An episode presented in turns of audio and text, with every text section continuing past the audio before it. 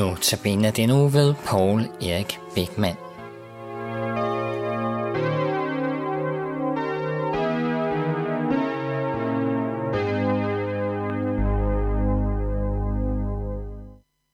Kære lytter, Notabene i denne uge har som tema en rejse i Moder Teresas univers. Og jeg fortalte om smil og glæde i forbindelse med mit besøg på Moder Teresas børnehjem i Calcutta. Det med glæden har Moder Teresa sagt meget præcist. Glæden blev født i Bethlehem. Vi var to fra Danmark, der blev vist rundt af smilende mod Teresas søstre. Vi var ganske rolige, indtil vi opdagede, at vi var sat af cykeltaxaen det forkerte sted på Nedre Ringvej. Søstrene sagde, jeg, altså mod Teresa bor ikke her. Hun bor lidt længere oppe af denne gade. Py, ha! Så praktiserede vi powerwalking – vi havde fået at vide, at mor Teresa kunne træffes kl. 14.30, og det var absolut i aller sidste øjeblik nu. Da vi nåede moderhuset, var de ti andre fra Mission Østgruppen fra Danmark allerede kommet til tiden. Ved kig op på første sal så vi mod Teresa i snak med en italiener. Hun så ikke på nogen andre, og hun sagde heller ikke til os, just a minute, folks. Vi måtte styre vores længsel efter at møde hende. Tænk det lille menneske på første sal måtte fysisk se op til næsten alle andre voksne. Men der var til gengæld ingen mennesker på jorden, hun så ned på. Selv en mand, der var faldet i en kloak, hjalp hun op en dag. I 1979 fik hun Nobels fredspris, opkaldt efter ham, der opfandt dynamitten. Ja, hun var ganske vist ikke opfinder af næstekærlighedens dynamik, men hun praktiserede den i utrolig grad, så prisen var velfortjent alt tog fart, da hun mødte en kvinde, der var næsten et op af orme. Så måtte hun handle.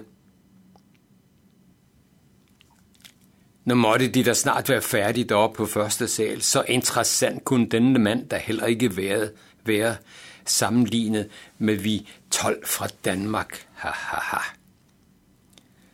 Hvis vi andre var kommet hjem fra 21 dages rejse til Vietnam, Singapore og Kina, så er jeg sikker på, at vi ønskede ikke en masse gæster dagen efter.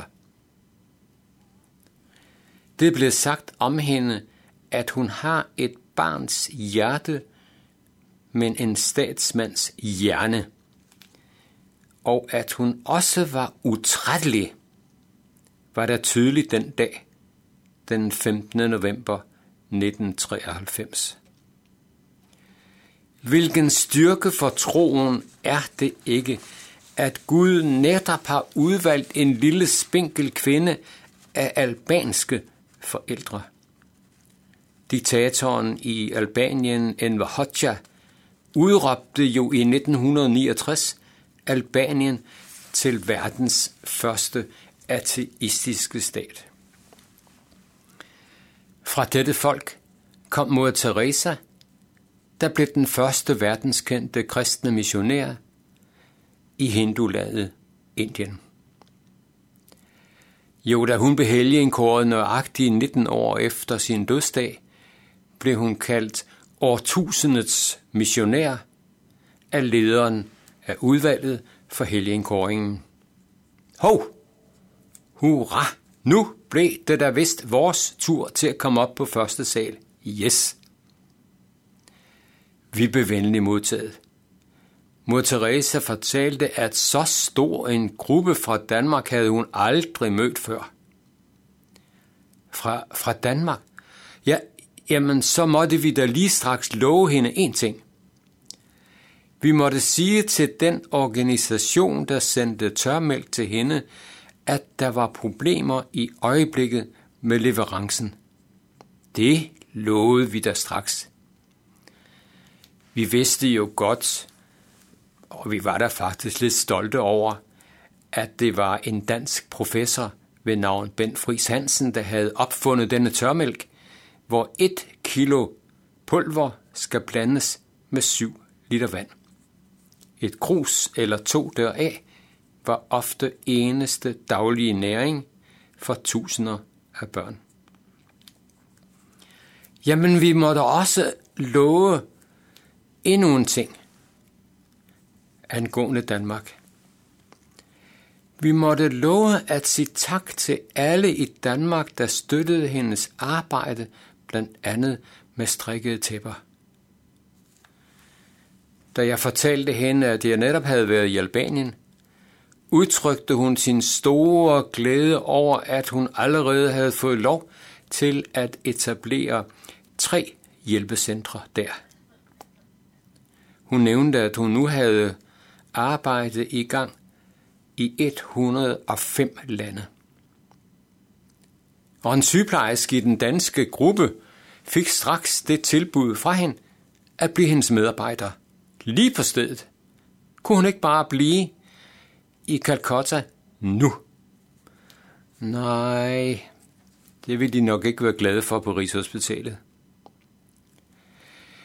Mor Teresa virkede som om hun havde god tid. Men hun gav os alle et gult kort. Ja, vi var da glade for, at det ikke var et rødt kort, ligesom i sport, der betød, nu er det ud af klappen. På kort, kortet stod der ikke noget om at husk nu at støtte mig, og jeg har Sio nummer det, eller jeg har Moder Teresa snabelag yahoo.india, eller noget som helst. Der stod hendes arbejdssyn, hendes drivkraft, hendes centrale bibelske kodeord. Ja, jeg kalder det et kompas. Der stod frugten af stilhed af bøn. Frugten af bøn er tro. Frugten af tro er kærlighed. Frugten af kærlighed er tjeneste. Frugten af tjeneste er fred. Vi sagde naturligvis mange tak for kortet og for samtalen, og så gik vi ned ad trappen til stueetagen, og der fik jeg et uforglemmeligt syn, som jeg vil fortælle om i morgen.